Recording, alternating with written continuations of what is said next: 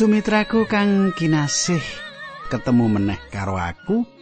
Pendeta Pujiyanto ana ing sajroning adicara margi utami.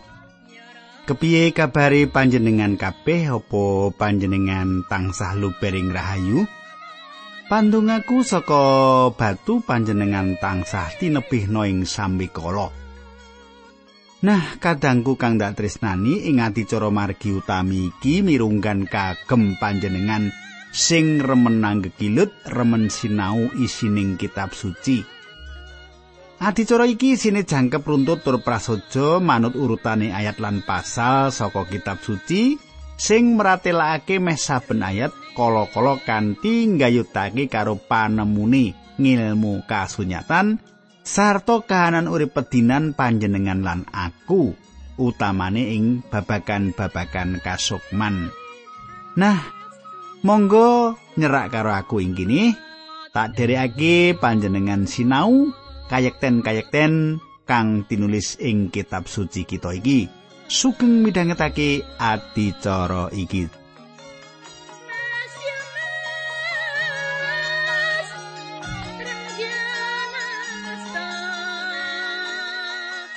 Katengku ing patemon kita kepungkur tak suwun panjenengan ijik kelingan apa sing tak aturake marang panjenengan.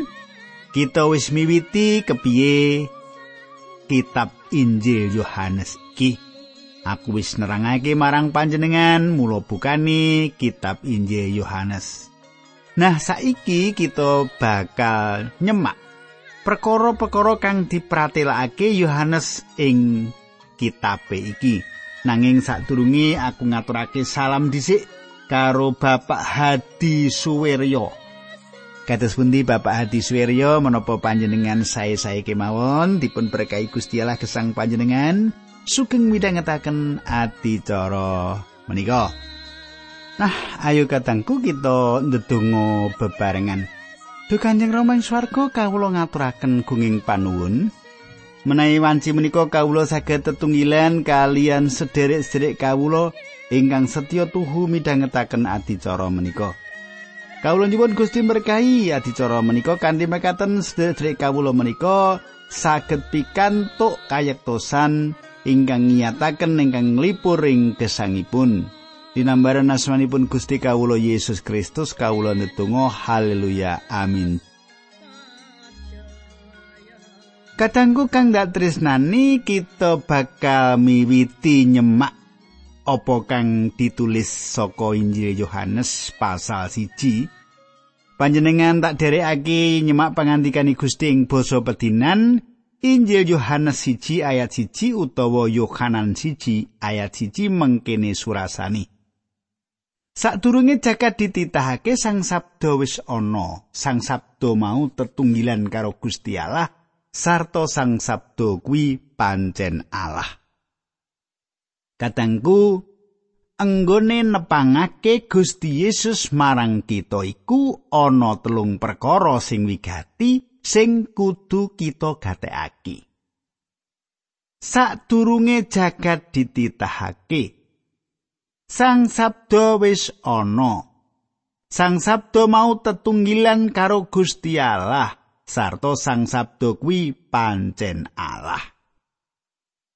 Sang sabdo utawa sabdo iki sawijining gelar utawa julukan sing paling agung. Paling hormat kagem sapa? Kagem Gusti Yesus Kristus. Kanggo nemtokake teges sing pas kanggo tembung iku ora gampang. Mesti wae Gusti Yesus ora mung tembung logos saka filsafat Yunani. Nanging panjenengane iki sang sabdo sing wis dikumpulake saka pamecane perjanjian lawas gegayutan karo panjenengane lan saiki maujud ing tembung. Sadurunge jagat dititahake. Tegese tembung sadurunge jagat dititahake iku padha karo tembung wiwitan kawitan sing tegese padha karo tembung wiwitan ing kitab suci.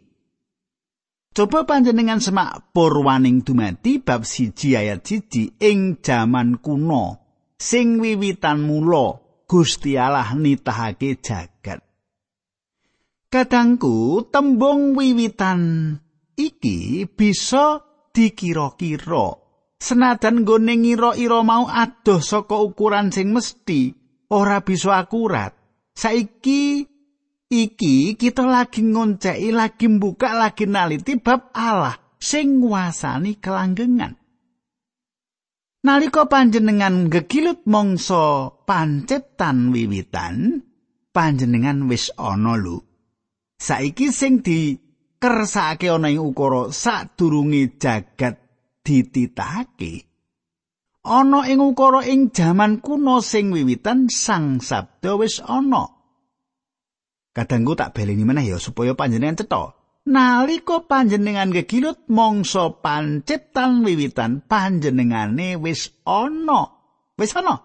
Yaiku kang dikersakake ana ing ukara sadurunge jagat dititahake. Ana ing ukara ing jaman kuno sing wiwitan sang sabda wis ana. Ukara iki ora ndumuk tekes yen nalika tembung ing jaman kuno sing wiwitan iku sang sabda lagi ana. Ora mengkono. Wis ana sadurunge ing jaman kuno sing wiwitan. Ing kasusastran Yunani ukara mau duweni teges yen wis ditindakake ing wektu kepungkur lan terus ditindakake nganti saiki. Ing istilah kasusastran diarani duratif imperfect. Apa tegese ing jaman kuno mula? Tegese jaman sing wis kepungkur sing bisa panjenengan bayangake. Kitab suci ngandhakake ing jaman kuno sing wiwitan mula Gusti Allah nitahake jagat panjenengan bisa semak ing porwaning dumadi bab siji ayat siji Sumitraku sing kapindo ya sing kapindo sang sabdo mau tetunggilan karo Gusti Allah. Kanthi keterangan iki banjur bisa cetha yen panjenengan iki beda karo Allah Sang Rama. Kita ora bisa nyebut yen panjenengane Sang Sabdo iku padha karo Allah Sang Rama. Jalaran panjenengane mau tetunggilan karo Sang Rama. Sing kaping telu yaiku Sang Sabdo kuwi pancen Allah. Iki sawijining peranyatan pratela yen Gusti Yesus iku pancen Allah. Ing aturan tata basa Yunani tembung sing wigati dipapanake ing ngarep dhewe lan ayat iki unine ngene Allah iku pancen sang sabdo Sawise ngrasakake ukara iki apa panjenengan arep ngilangake kaalahane Gusti Yesus ora bakal bisa Pernyataan pratela ana ing Injil Yohanes pasal 1 iki wis nyawijake telung perkara mau sing wis ora bisa dipisah-pisahake meneh. Ayo kita terusake ana ing ayat 14 lan gatekno apa unine. Sang Sabdo wis dadi menungso manggon nawar karo kita, kita wis padha ndeleng kamulyani sang manungsa mau. Ya kamulyan kang kaparingake marang putraning Allah Sang Rama, putra untang-anting. kamulyane sang putra mau mangkini lantaran sang putra mau Gusti Allah wis meratelake sarirane piyambak lan katresnane marang kita sak katoke kadangku lah saiki pranyatane beda pratelane beda senadan padha telung wernani.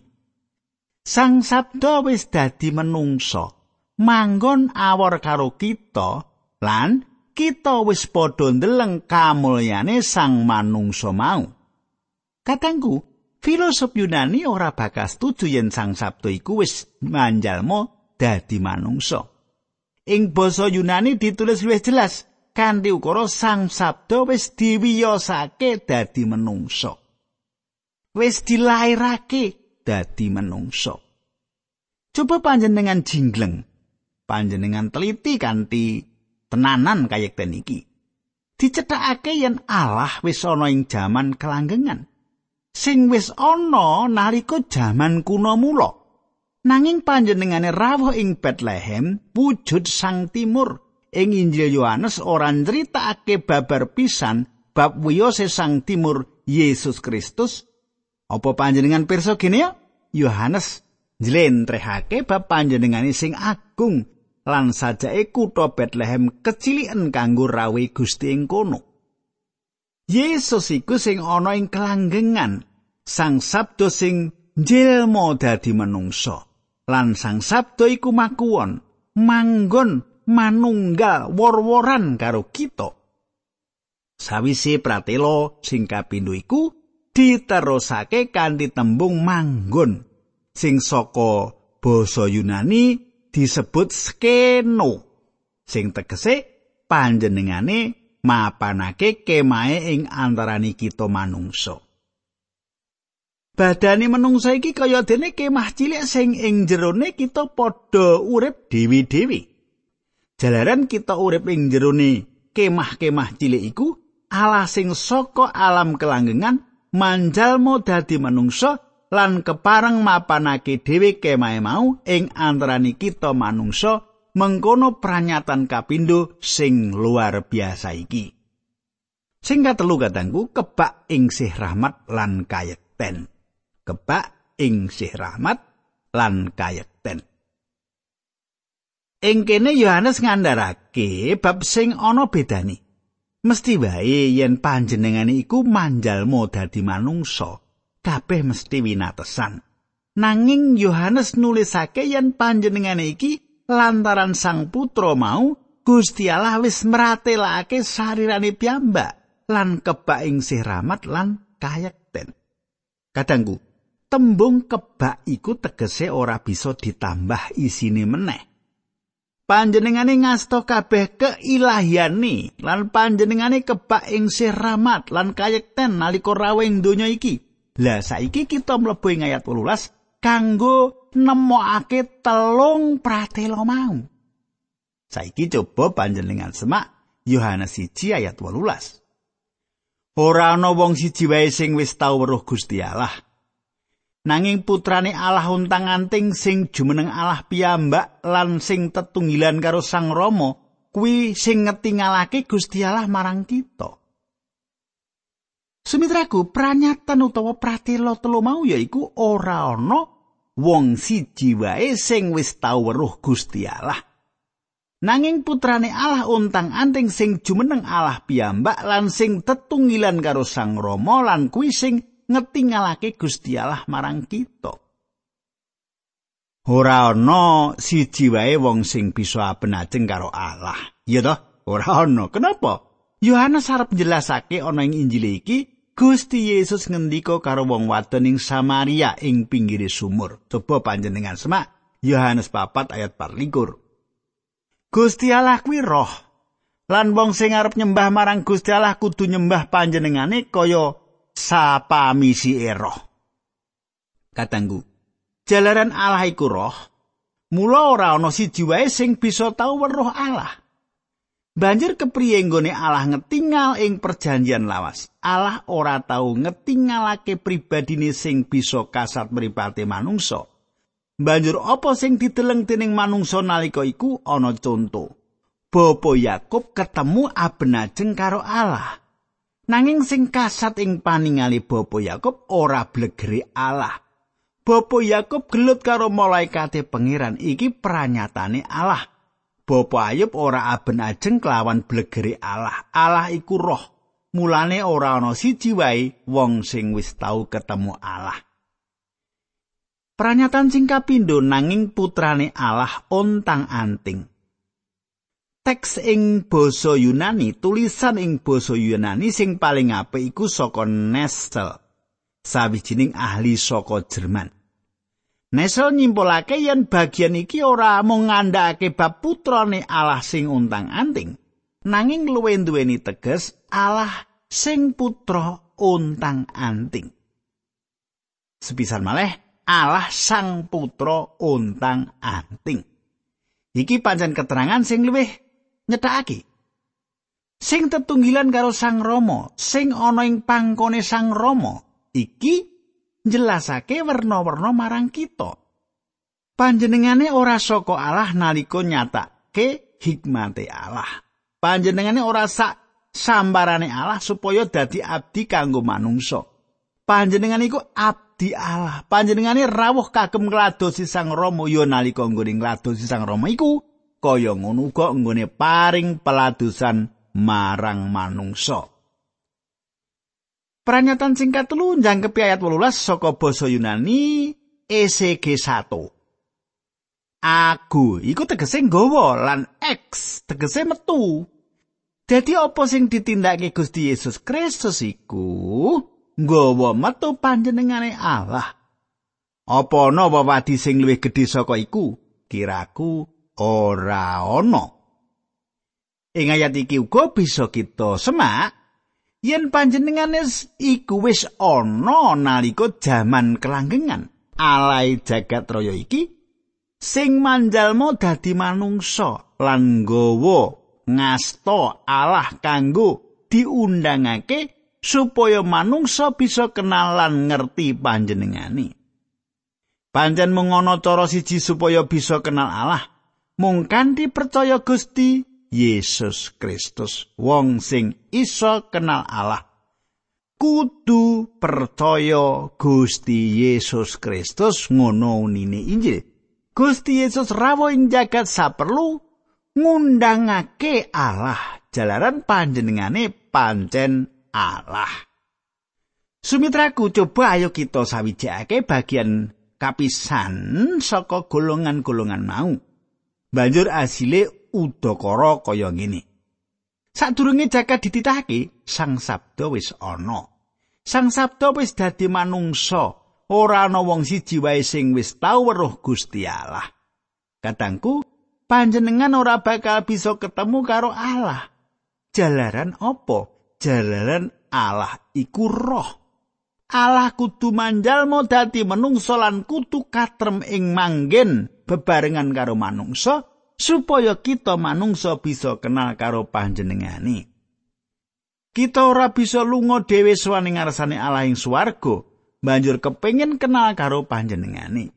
Mung yen panjenengane tumedhak ing bumi, lan ngenalake Allah ing papan padunungan kita ing bumi. Sawise iki bagian ukara sing pindho kita kumpulake sing unine. Mengini. Sang Sabdo kuwi pancen Allah manggon awor karo kita lan putrane Allah ontang-anting sing jumeneng Allah piyambak lan sing tetunggilan karo Sang Rama sing ana pangkone Sang Rama. Ayo kita ningake ing batin bab panjenengane ing wektu iki. para malaikat padha sujud marang panjenengane panjenengane bebarengan karo Allah panjenengane kagungan kamulyan padha karo Allah panjenengane ora ngoyo supaya dadi Allah jalaran panjenengane iku Allah nuli panjenengane rawuh ing bumi diwiyosake ing Bethlehem ana sawetara pangon ing kono nuli tindak menyang Nasaret puluh tahun lawase lan mungkur ing kadonyan mapan ing ngasepi ing kutha cilik Nasaret. Ing kono panjenengane dadi tukang kayu. Kenapa kaya ngono? Supaya panjenengan bisa kenal Allah. Mung kanthi cara panjenengan kenal karo Gusti Yesus, panjenengan bisa kenal Allah. Lah saiki kita bakal ngatekake bagian ketelu ngene unine. Sang Sabdo kuwi pancen Allah. kita wis padha ndeleng kamulyane sang manungsa mau putrane Allah huntang-anting sing jumeneng Allah piyambak lan sing tetunggilan karo sang Rama kuwi sing ngetingalake Gusti Allah marang kita. Utawa sing kebak ing rahmat lan kayekten. Kadangku panjenengane sing ndawuhake nalika panjenengane rawuh ing bumi iki isih tetep Allah kebak ing rahmat lan kayekten. Nuli panjenengane ngendikake bab Allah jalaran ya mung panjenengane sing bisa nerangake kanthi kayekten sapa to Allah iku ana tengah-tengah pasrawungan nyata antarane kita manungsa lan panjenengane luar biasa. Iki durung rampung katangku. Ayo kita ndeleng maneh liyane. Kepriye cara panjenengan bagi-bagi jagat raya miturut pemanggih panjenengan? Jagat raya iki dipara dadi telung perkara. Wektu, ruang lan dat.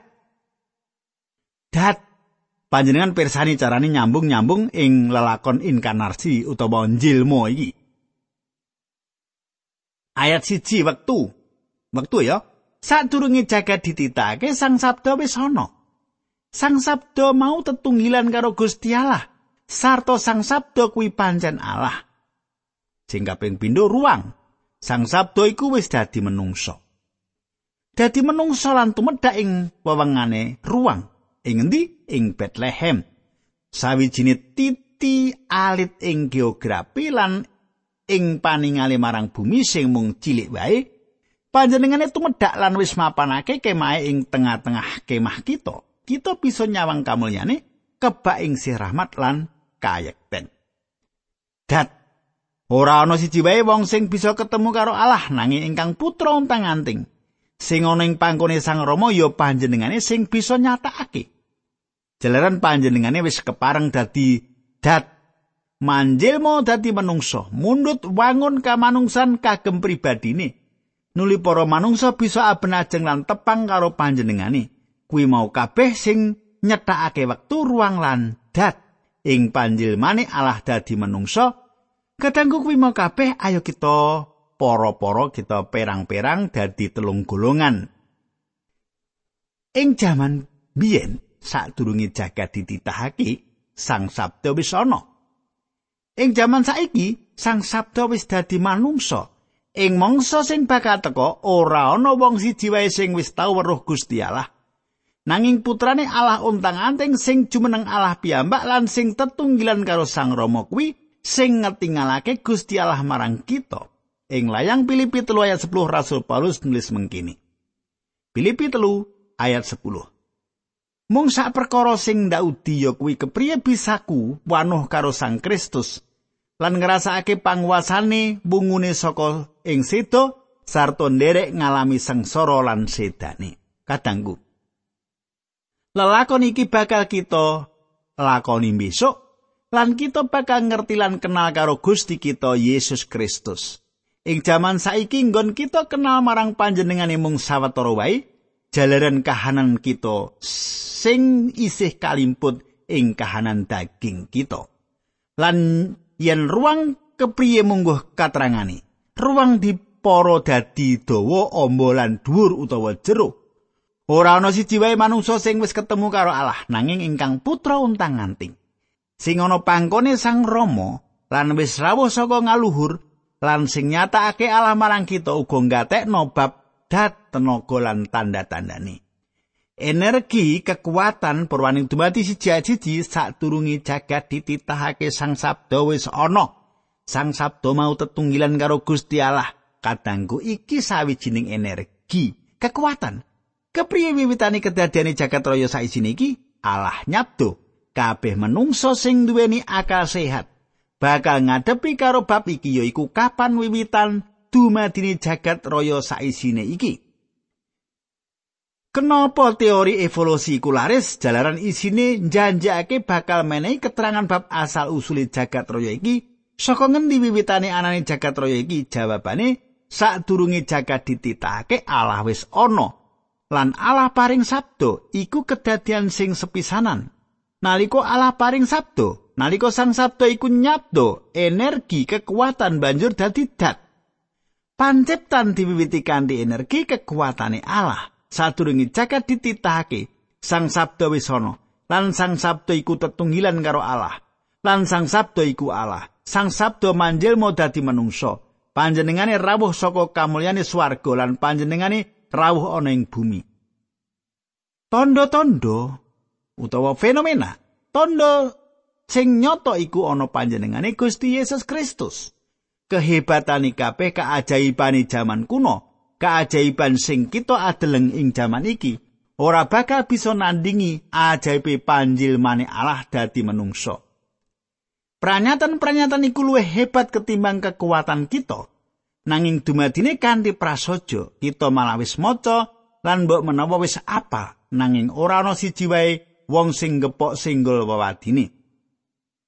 Tulung ayat wiwitan saka Injil Yohanes mau mujudake wangunan sing agung lan kita bisa ndeleng apa sing ndadekake nyawiji wangunan saka tulung bagian mau. Kita bali meneh ing Yohanes 1 ayat telu. Coba panjenengan semak. Lan lantaran sang sabdo mau Gusti Allah nitahake samu barang kabeh. Ora ana barang siji wae ing alam donya iki sing ora dititahake dening sang sabdo. Sumitraku Gusti Yesus iku nyipatake salirening sih ana ing jagat raya iki awit saka panjenengane kabeh dititahake ora ana siji wae sing kumelip ing jagat iki ana tanpa kapirsanan ing panjenengane. Yohanes siji papat sang sabda kuwi sumber ing uripe saking titah sing ana ing donya iki lan dadi pepadangi para manungsa. Ana sing wigati ing urip iki yaiku pepadang lan urip kauripan ing endi-endi ana apa kita bisa nyetakake. Pancen ana ing media masa padha njelasake yen manungsa wis nemokake saka endi asa usule urip. Nanging yen diwaca kabeh bakal ngerti yen ora ana sing ditemokake apa-apa ngenani urip. Manungsa padha ngreka daya ndeleng molek ing godhong, ndeleng sel telur sing ora kasat mripat lumrah, nanging kabeh padha ora ngerti saka endi asale urip iku ing sawijining wektu manungsa bisa nangkarake sel-sel lan bisa ndrebolo saka ngendi kabeh saka urip. Kahanan iku terus tangkar tumangkar nganti yutan sel kenapa bisa dadi mengkono jalaran anane urip, anane kauripan. Nuli bapak padang apa to pepadang kuwi? Ana jinis pepadang sing bisa nembus barang, malah barang sing maune ora bisa ditembus dening sijining pepadang, banjur apa to pepadangku? Manungsa mung bisa ngerti setitik apa sing diarani pepadang iku ing panjenengane Sang Kristus ana urip, kabeh sing urip ana sadurunge Sang Kristus, ing panjenengane ana urip lan urip iku pepadangi manungsa kita urip ing satengah donya sing peteng dedet ing jabane angkasa kahanan peteng jeleran ora ana sunaring surya nanging petengi karohanan luwih peteng ketimbang kahanan mau. Malah nalika surya wis angsurup ing burine cakrawala bumi peteng sajrone rolas jam nanging petenge rohani bisa jagep nganti 24 jam. Ngegirisi banget. Manungsa ora kenal Allah, manungsa berontak marang Allah, manungsa ing sadurunge dosa kanthi mengkono micakake mripate rohanine lan ora bisa meneh ndeleng lan ketemu Allah. Ing Gusti Yesus ana panguripan, ana pepadang yen wong ora kelerek meneh ora duweni panguripan rohani. Peteng. Semene dhisik aturku monggo ndedonga. Kanjeng Rama swarga, kawula sampun ngandharaken pangandikan Paduka berkahi. Dinambaran asma Paduka kawula ndedonga. Amin.